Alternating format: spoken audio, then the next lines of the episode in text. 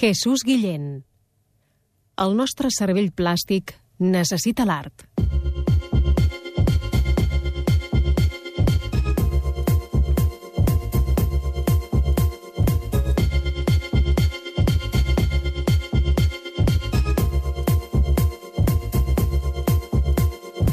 Soc Rafael Vizquerra, director del postgrau en Educació Emocional i Benestar de la Universitat de Barcelona. L'art es va crear per generar emocions. Hi ha les emocions que sent l'autor, les que vol comunicar, les que pren activar en l'espectador i les que realment experimenta l'observador o l'espectador. Si són obres d'art de qualitat, es poden experimentar emocions estètiques, profundament viscudes, que són una font de gran satisfacció, a vegades catarsi i també benestar. A vegades ens aproximen a la plenitud o a l'èstasi.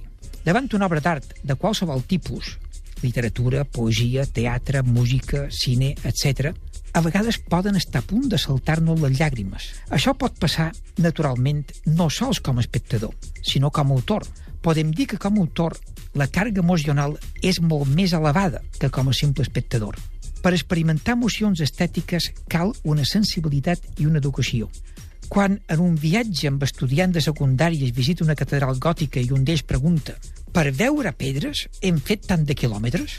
Això ja vol dir que no hi ha la sensibilitat necessària per emocionar-se davant una obra d'art monumental, com una catedral. A vegades ens costa acceptar que per experimentar emocions com por, ira o tristesa no cal anar a l'escola. Però per aprendre a gaudir de les emocions estètiques sí que cal educació. A vegades he preguntat, t'agrada l'òpera?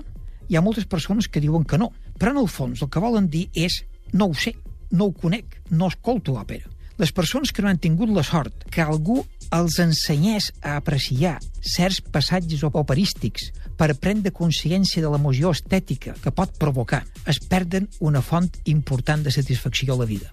En base a això, han sortit propostes educatives com la musicoteràpia, art-teràpia, teatre educatiu de consciència emocional, etc. La intenció és ensenyar a utilitzar aquests recursos artístics per potenciar el benestar a través de l'art.